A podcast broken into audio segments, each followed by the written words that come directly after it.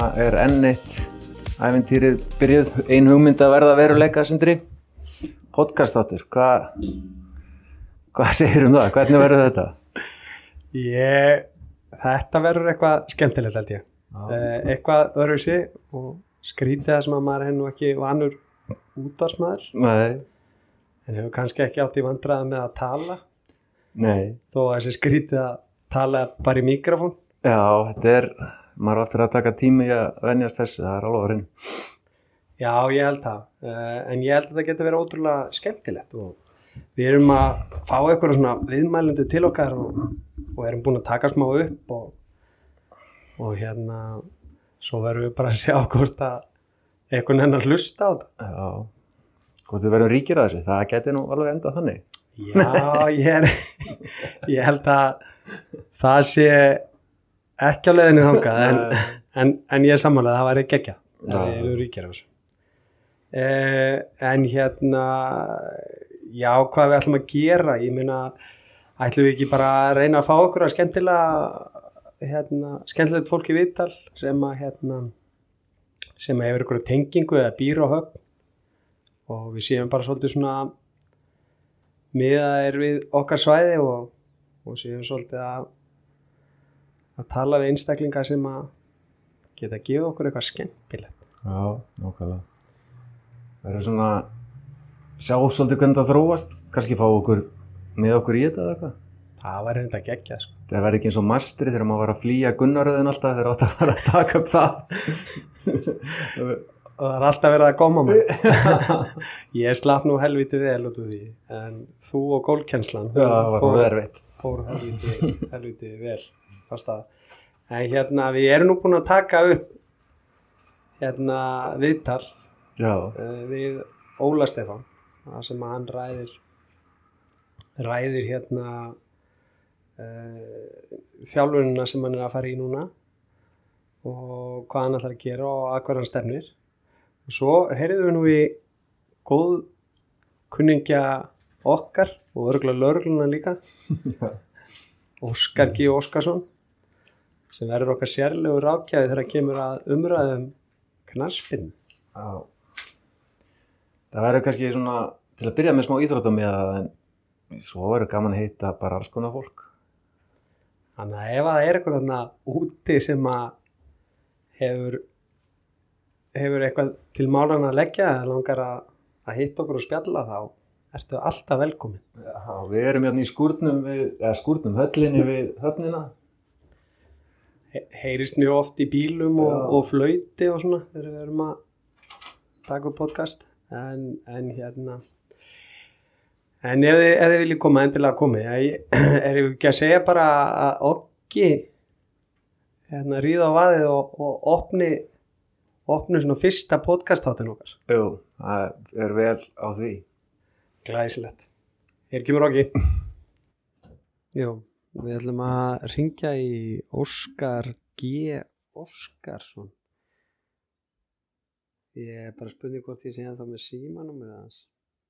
Jú, jú, það menn týn ekki svona símanúmeru. Sjáum hvað, hvort á ekki svara okkur ekki. Já, Já, hver er það? það er okki sjálfur. Það er maðurinn. Það er og blæsar. Hvernig hitt ég á þig? Bara helviti vel.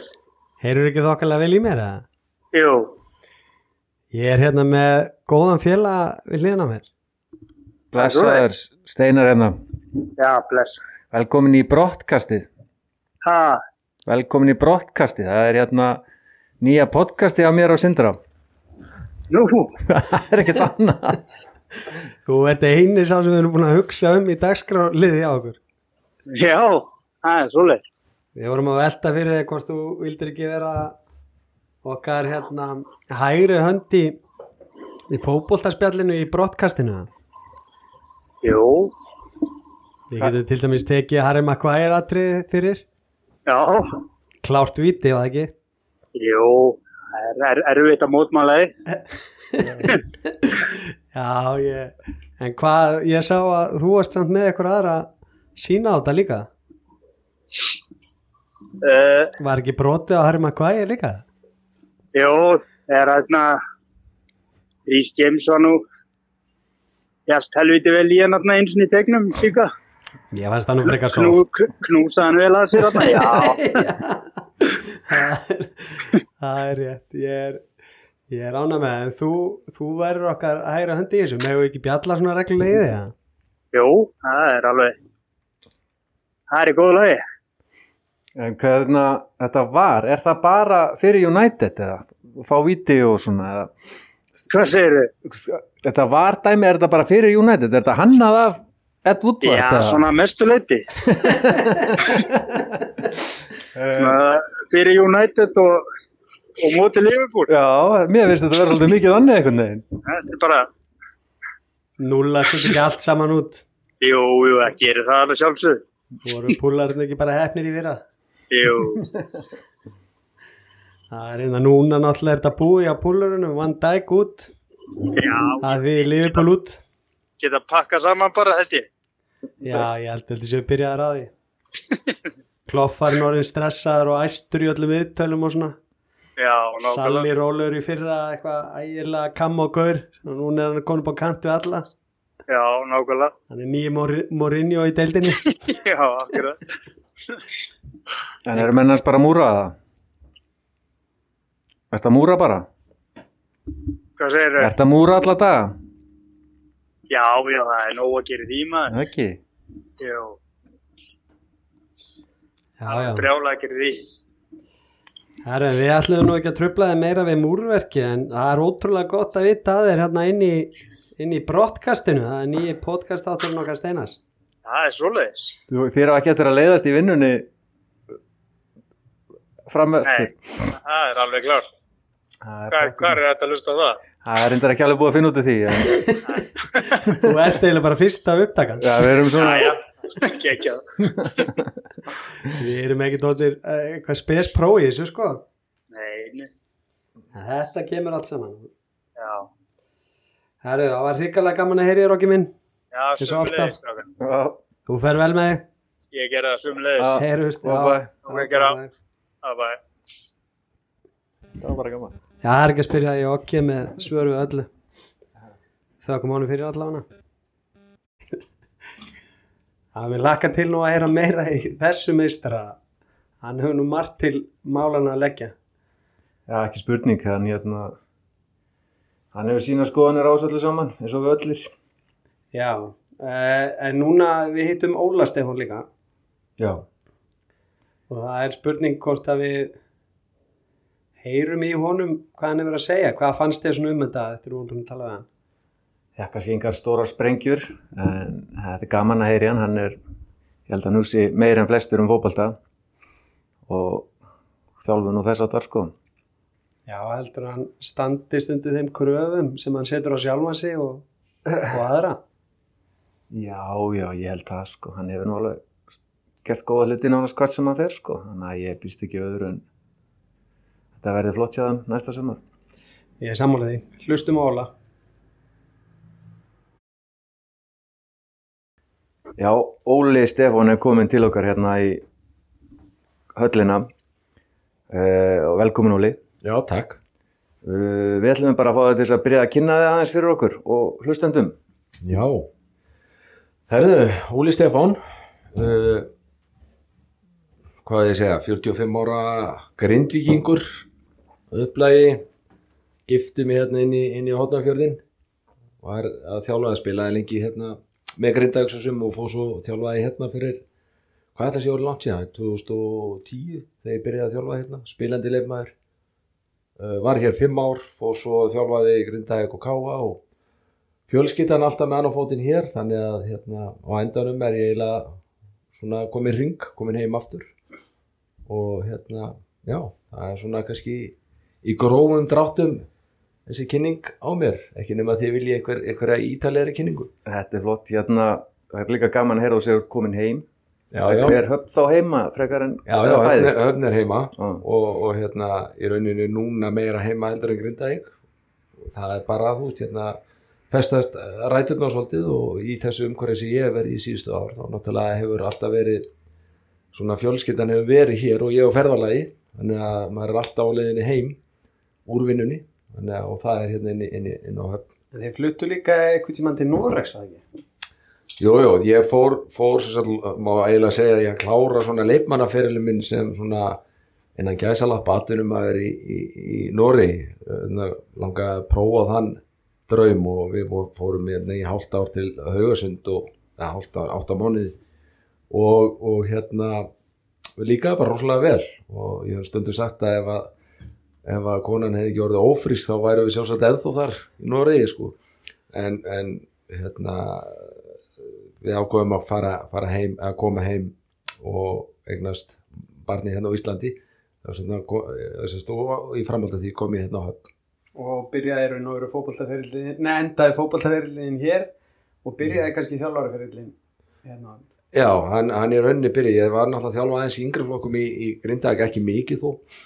En ég hef nú stundum, stundum sagt að, að bara þegar ég var 22-23 ára þá tók ég ákvörðunum að verða þjálfari eftir fótboltan og í rauninni tók ég þá ákvörðu líka um að klára ferilinn þegar ég var orðin gammal kall sem spilandi þjálfari í neðra deildum. Þannig að það var alveg, alveg hérna plana lengi og vel undirbúið. Þannig að þegar að þennan tíma var komið 35 ára kom þessi ákvörðun að koma hinga á, á Hortnafjör sem var góðu staði til að byrja og ég gat, við vorum þá í neðstu deild gamla fjóruðadeildin og það, þar gæti ég svo sem alveg gefið eitthvað að með sér leipmaður líka og þannig gekk það í fimm ár Já, enda var árangurinn fítna á þessum tíma líka. Já, það sem kannski var, var satt eftir úr þeirri vinnu var eiginlega uppgangur allan tíman sko. Þú veist, það var bara plan og, og svo gekk planið þannig að við vorum allan tíman að bæta okkur og, og bæði, bæði árangur lisis og, og eins umgjörðina og allt svona í kringum vinnuna og það, það finnst mér alltaf ótrúlega spennandi í þessu starfi. Já, akkurat. Já, nú ertu komin aftur og byrjar að vinna. Það er ennþá eitthvað eftir að er tekin við þar. Hvað, getur þið sagt okkur eitthvað frá svona fyrstu dögunum og vikunum í starfi? Já, já, þetta er náttúrulega æði sérstatt eins og margt í bara lífunu þessa dagana. Uh, öllu jöfnu ætti tímabili bara að vera búið og menn komnir í bara frí, vetrafrí. En, en það frestaðist út af þessu COVID ástandi og, og hérna, málið þróuðist þannig að, að það var tekin ákvörðum að ég kem inn og klára, klára þessa þrjá leiki sem eftir eru og, og ég líti einhvern veginn þannig á að þá get ég í rauninni bara byrja mína undirbúningsvinnu núna þessar þrjár vikur og, og reynda, reynda að fara svona inn í þessa leiki sem frábæra æfingaleiki áður en við förum í frí.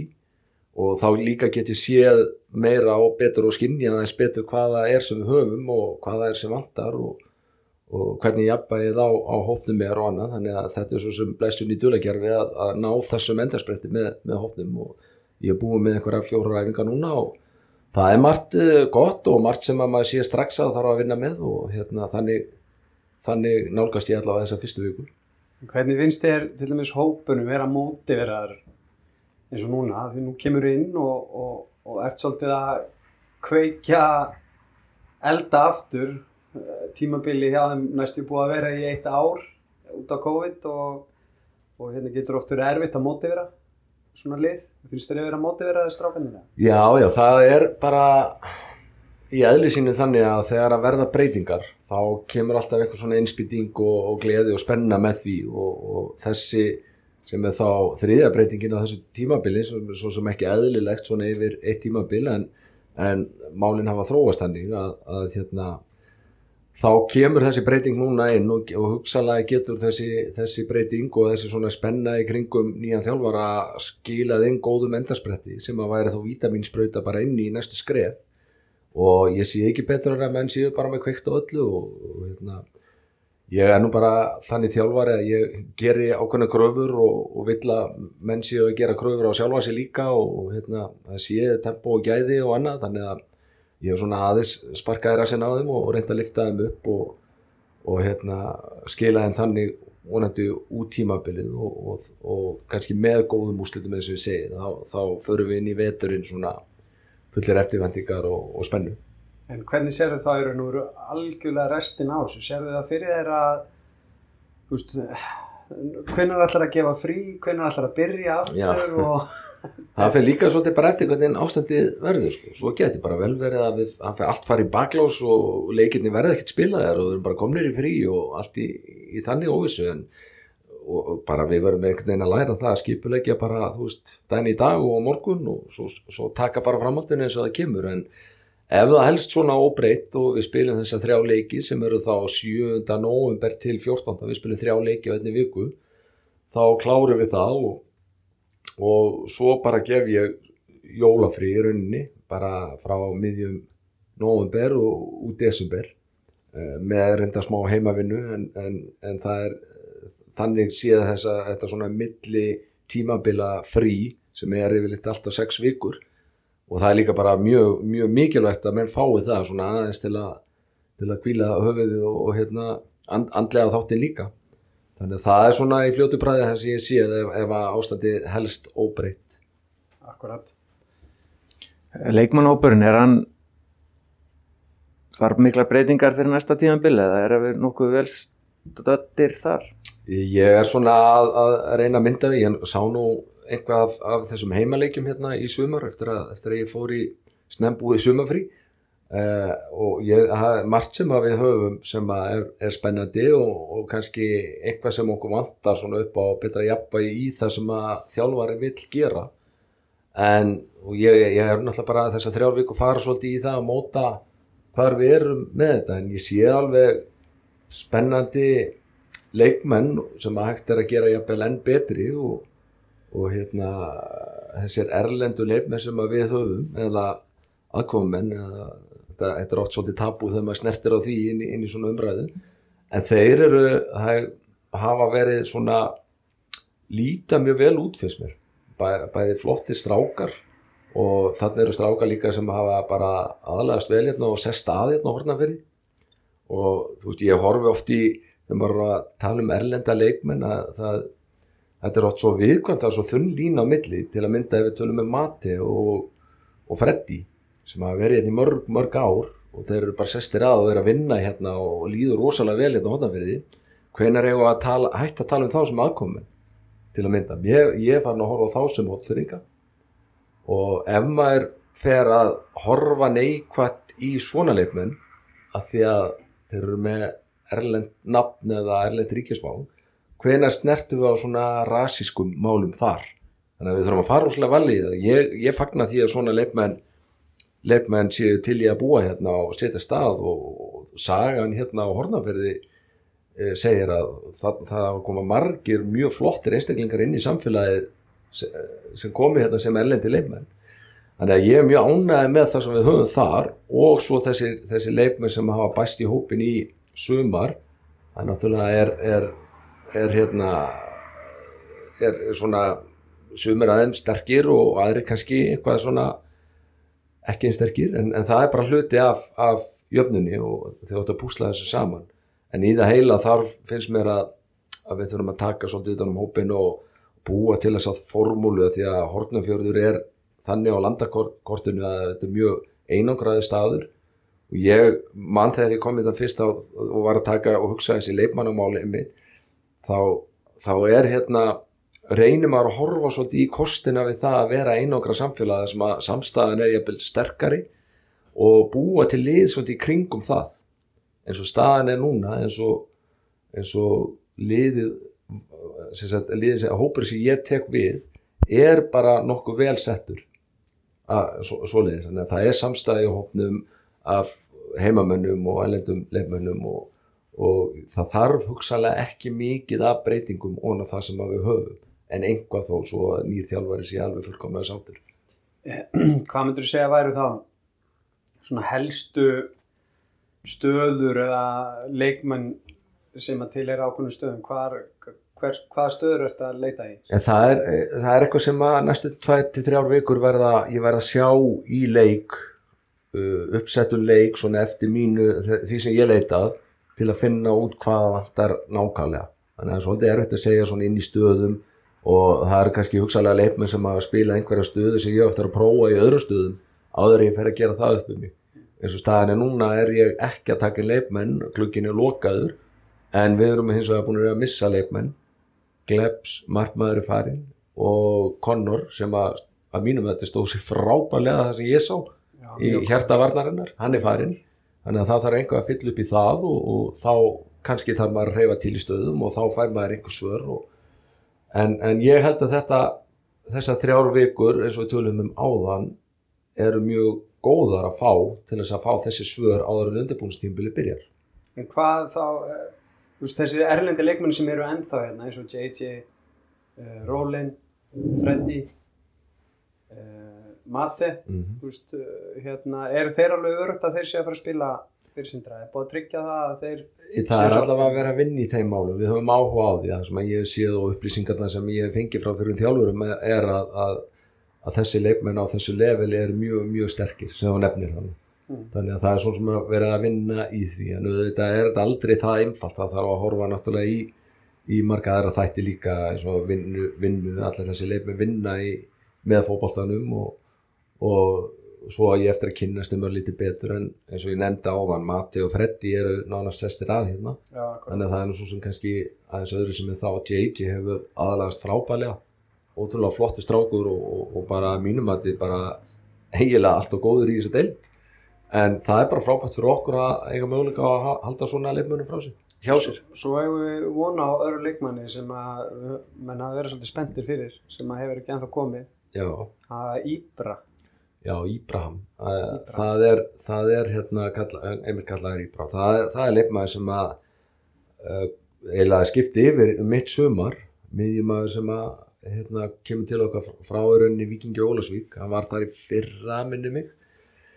Uh, við góðan orðstýr þar. Er frá Sierra Leone eins og JJ og þeir eru miklu félagar. Þarna er til dæmis stráku sem er hefur alltaf verið fyrirlið í sínu liðum og mikill leiðtogi og, fara rosa góða sögur á hann sem, sem svona personu og hann hefur verið spilað fastamæður í, í landsliði þeirra og verið fyrirlið þar.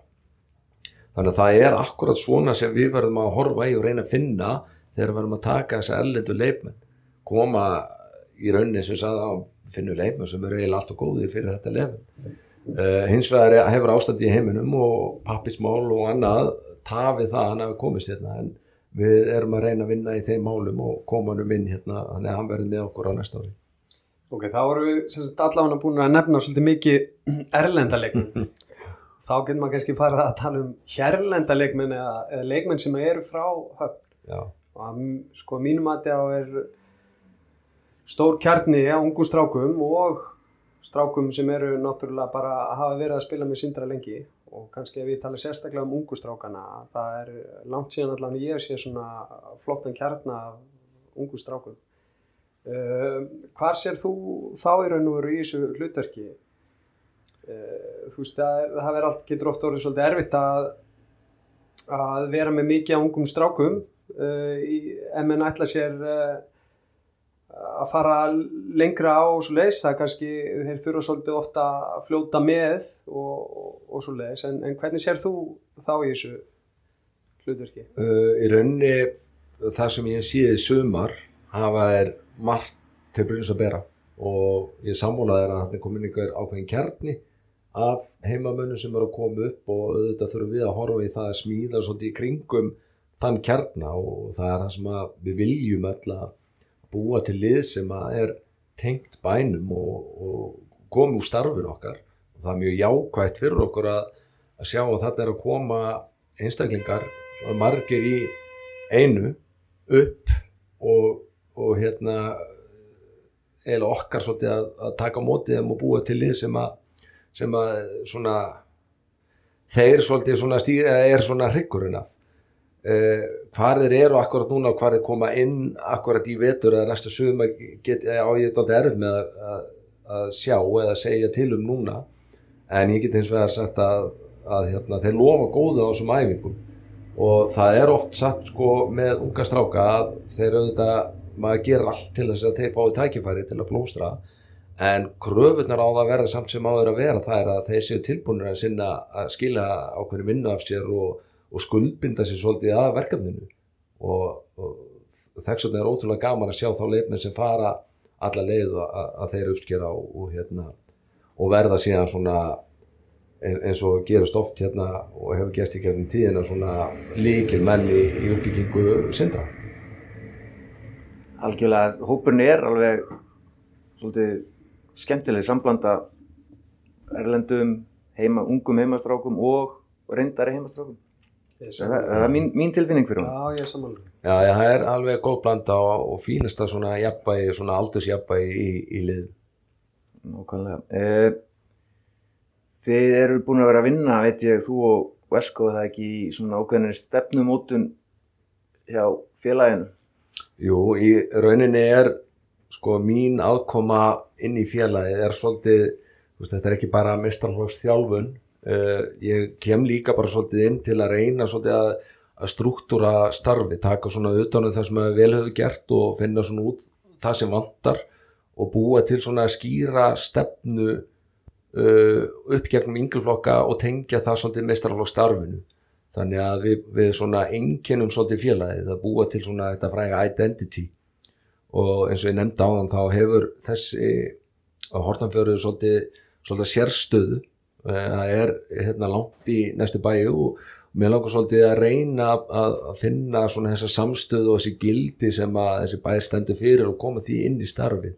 Sluta því er að ramma svolítið inn kennsluna alveg frá yngstu ykkundum og upp og, taka betur utan á það sem að við viljum að þeir læri á hverju stíi fyrir sig og skila þeim þannig kannski betur upp í upp í mestarflokkin og, og líka það sem, að, það sem að hefur kannski verið ókostur hér undan farin ári er að þjálfara veldan hefur verið svolítið svona ör eða svona mikil og það er kannski eðli sínu.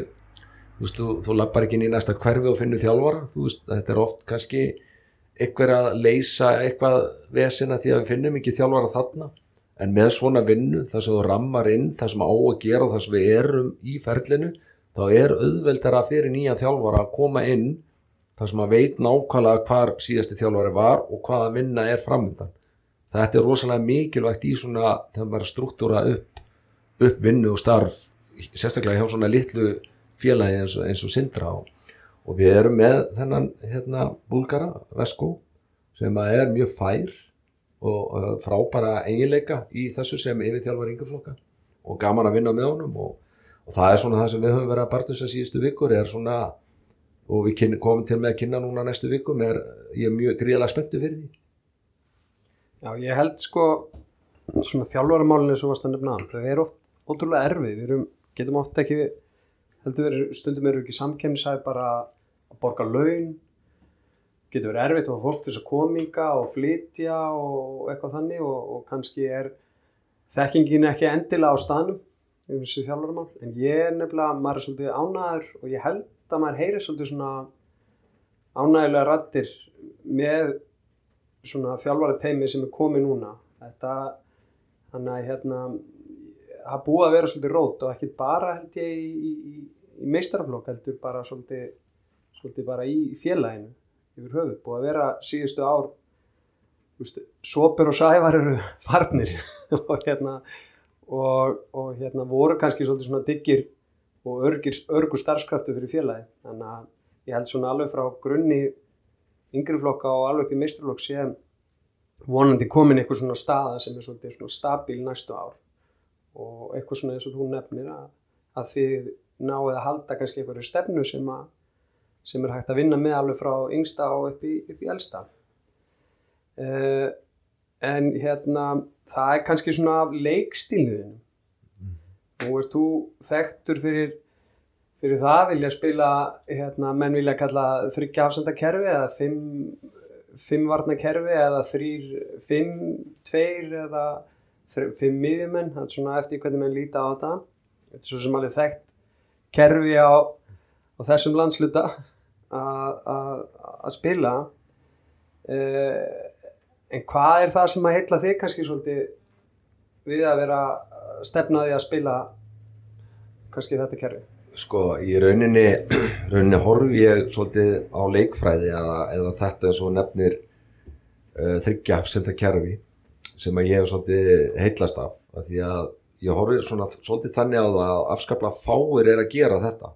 Þá horfir yfir bara íslenska fótbolta í gegnum deildirnar allar þá er þetta ekki vinsalt mótel ef þú getur get orðað eins fyrðulegt og að kanna hljóma það er einhvern veginn ekki, þetta er ekki, fylgir ekki tískunni og, eða eitthvað svo leiðist og það sem ég sá mjög fljótlega eru möguleikar í því að gera þetta kerfi vel og aðlægandi finna eitthvað sem að aðrir eru ekki að gera. Þú veist, það eru allir að spila 4-3-3 til að mynda eða, eða með fjármannlínu þannig að ég fór svolítið að horfa í uppsetninguna á því að, að hérna, mastera eitthvað sem að fáir eru að gera hérna á Íslandi og eftir að ég fór í þessa vinnu ég fór nú, þegar ég fór upp með Grindavík 2016 þá, þá byrjaði ég svolítið djúft í þessum pælingum að þá spilaði ég 3-5-2 eða við og, og hérna og við komum mikið óvart og okkur var ekki spá góði gengi það sumar sjötta sætið eitthvað og, og við fórum upp með káa þá til dærulega öruglega spilum mjög vel það sumar og, ég man að við skorum 50 mörg og fengum bara 20 á okkur.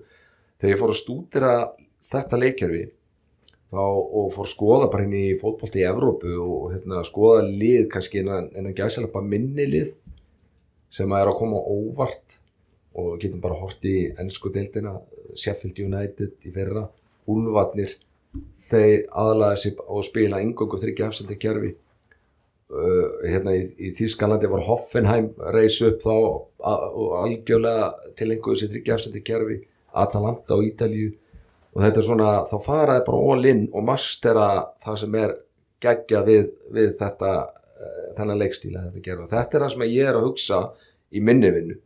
Og ég kem inn hérna núna og ætla og ég talaði um svona identity á þann. Mér langar rosalega að félagi bara skilgreini sig og tilengi sér svona hugmyndafræði. Þannig að yngri flokkarnir fylgir bara eftir því sem mistraflokkarnir eru að gera og læri bara allir á hvað er stert við svona því að ég held að við getum alltaf, alltaf fundið eitthvað sem hendar okkur ótrúlega vel með því að gera eitthvað svona pílnýtt öðru sem aðrir en þetta snýst alltaf um bara hvort sem að þetta er eitthvað annað, hvern, hvernig þú vinnur þetta, hvað, hvernig þú setur það upp og, og tíma svo eðir þetta og annað en, en ég er mjög, mjög hrifin af þeim möguleikur sem að tryggja hefsenda kerfi býður upp á, bæði sóknarlega og vartanlega. Já, þetta er að ekki nýtt átnaverið, við spilum þetta lengi vel þegar, þegar okkur gekk hvað best, við fórum upp í fyrstu deilt, þá vorum við alltaf með hefsenda kerfi, en mér sýnist nú samt miða hvernig það litla sem ég séð frá þér að það, það er tölvöru breyt, breytar áherslur. Þetta er svona, maður hugsaður varnarleikkerfi en þetta þarf ekki að vera það. Nei, alls ekki, þetta, þetta getur verið gríðarlega stert uh, varnarleikkerfi og, og eins og Sindri þú nefndir á þann að, að þú getur sett upp fimmanna varnarlínu þar sem hangbakk verið dætt og djúft og við þeirri á hafsenda og svæðin sem að mikið er leitað í nútíma fókbólta eru það sem ég kalla göngin. Það svæði sem að myndast á milli hafsends og bakvarðar. Það, þú lokar því í rauninni með haf, þriðja hafsend. Það er alltaf varnamæður í því þannig að þú getur loka og tekið vel og móti liðum sem leita í það svæði. Þannig að þú getur stilt upp eins og ég segi, fimm manna varnalínu þú getur sett fjóra þar fyrir fram og ég bel einn sender en þú getur líka farið mjög hátt með vangbakverðina og pressað mjög hátt af vellinum með tvo sóknar miðjumenn og kannski einn djúpan. Þá er þetta sækja sex mönnum og skilja fjóra eftir tilbaka og þá er þetta mjög sóknarsennakerfi þetta fer engangu eftir bara áherslunum sem þú vilt fara í. Hver, hver er aðstæðingurinn, er hann sterkar en þú eða, eða herra, herra settur en þú eða áttu að vera betri, viltu fara meira í hápressu og svona, þú getur leikið alveg með þetta fram og tilbaka En þetta hefur þróa spilnítið frá þessum tíma sem þú nefnist einar, þar sem við vorum með miðju hafsendinni, svo, sem líbró eða svona Beckenbauer sweeper og þetta er meira svona svæðis vinna núna heldur en, heldur en var þá. Það er kannski stóri munum.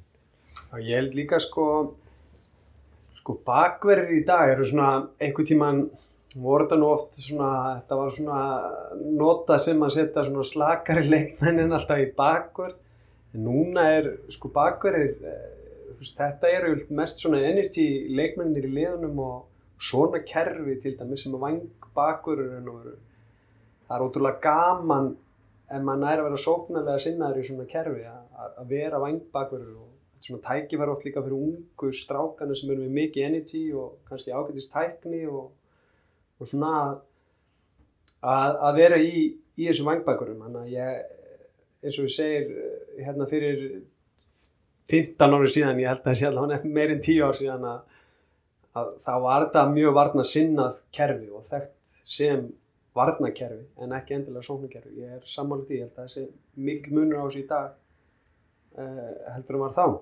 og ég get kannski ef ég, ef ég ég náttúrulega var ekki hérna á þeim tíma sem að Sindri náðu sínum besta árangri í þessu leikkerfi en uh, þá fó, fer Sindri upp í þessa B-dild sem var þá önnu dild þetta heitir fyrsta dild í dag, eða lengi dildin og Sindri fer upp og fellur niður hvað, með, með 17 mörg á sig valla fengur mark á sig í leik en, en fjallu með það en, en varnar, varnarlega var liðið mjög stert það hefði þurft einhver mörg til að, til að ná að halda sér vel uppi en, en það sýnir hvað ætti að gera með, með því að liggja látt með marga bakubóltan og, og þetta lókasvæði Ef ég manna rétt held ég að það hafi verið 11 í jafntefli. Hellu við að Minn hinnir það. ég- já, já, hérna, þá kannski, þú veist, hvað, hvað, hvað, hérna, hvað þarf eiginlega til til að brjóta þig út frá þessu kerfi? Ertu algjörlega fastur í þessu eða sérðu fyrir þér að vera með, með hérna, möguleika á, á, á breytingum og, og svo framvegis eða ert, viltu bara, veist, einblína algjörlega á þetta? Ég, eins og staðan er núna, er ég mikið að skoða bara kostina og vinna út frá þessu leikjörfi en auðvitað þurfum við að vera flexible í, ef að hlutinni gangi ekki upp þá þarf það að breyta til, að, til að mynda með káa í fyrra þá var hópurinn bara þann, þannig saman settur og við vorum ekki að ná alveg að tikka rétt í þessu þryggjagsætti kerfi og við breyttum þá mitt sumar í fjóru, tveir, þrýr, einn og, og við varum alltaf töpu leik eftir það. Og það passaði einhvern veginn betur þá á þeim tíma þar. Þannig að auðvitað þurfum við að vera opni fyrir því ef að hlutinni gangi ekki upp og er í bremsu. En hitt er hann að mála ég trúi því að inn í þessu sem að ég er að hugsa með þrjá afsynda getur við spila nokkrar útfæslur af, af þessu kerfi, þú getur farið, ég held að skipta ekki öllu máli hvort þú byrjið með þrjá hafsenda og tvo vangbakverði að því að inn í fösunum breytist líka breytast fæsletar og þú getur, getur verið að spila alls konar kerfi í fösunum. En og svo getur það verið að spila 3-4-3 með þrjá framherja, getur verið með tvo framherja getur verið með tvo djúpa miðjumenn þú getur spólað þessu öllu til en, en í endan svo ég reynir nú að svara spurningunni á einfaldan hátt, þá þurfum við þjálfarnir að vera að sjálfsögðu opni fyrir því að, að geta breytt til en, en við eigum líka allavega að vera með svolítið svona fastmótaða filosófíu að vinna út frá svo við getum kjent hann og nokkuð öruglega það er, ég held ég ekki gott í þjálfinu að vera að flakka mikið fram og tilbaka með filosófíu Nei, ég held það líka. um, markmið, hérna, ertu með eitthvað markmið fyrir þetta tímabil? Eða, og þá svo í framhaldinu markmið fyrir næsta tímabil? Eh, í rauninni eftir að svona var ég ákvaða að koma hérna heim og fór að skoða bara fórsendarnar og, og challengeið sem að býður okkar þá og ég er mjög markmiða sinnaður í minni vinnu og vinn mikið með, með skamtíma og langtíma markmið þá er svona í fljótu bræði sagt þá langar mig að fara upp bara sem fyrst með sindralið og upp í aðradelt sem mér finnst svona eðlið máli sangvætt að það er svona herra level og, og getum miða okkur við kannski stærri félög þar. En langtíma markmið langar mig að gera betur en sindri hefur áður gert og hugsaði það þannig. Og þú veist, það getur gerst á, á þeirra myndi 5 árum eða 10 árum en ég held að við sem félag eigum bara að hugsa að nú ætlum við bara að gera eitthvað og fara í markvisa vinnu og stefna því að gera betur en félagið hefur áður gert. Við tölum um að það var í lengjutildin það var eitt ár uh, þar upp og niður. Fjalluð strax getum við haldið okkur þar? Getum við stabilisera liðið þar? Hvað þarf til? Getum við gert á okkar enginu með okkur umhverfi?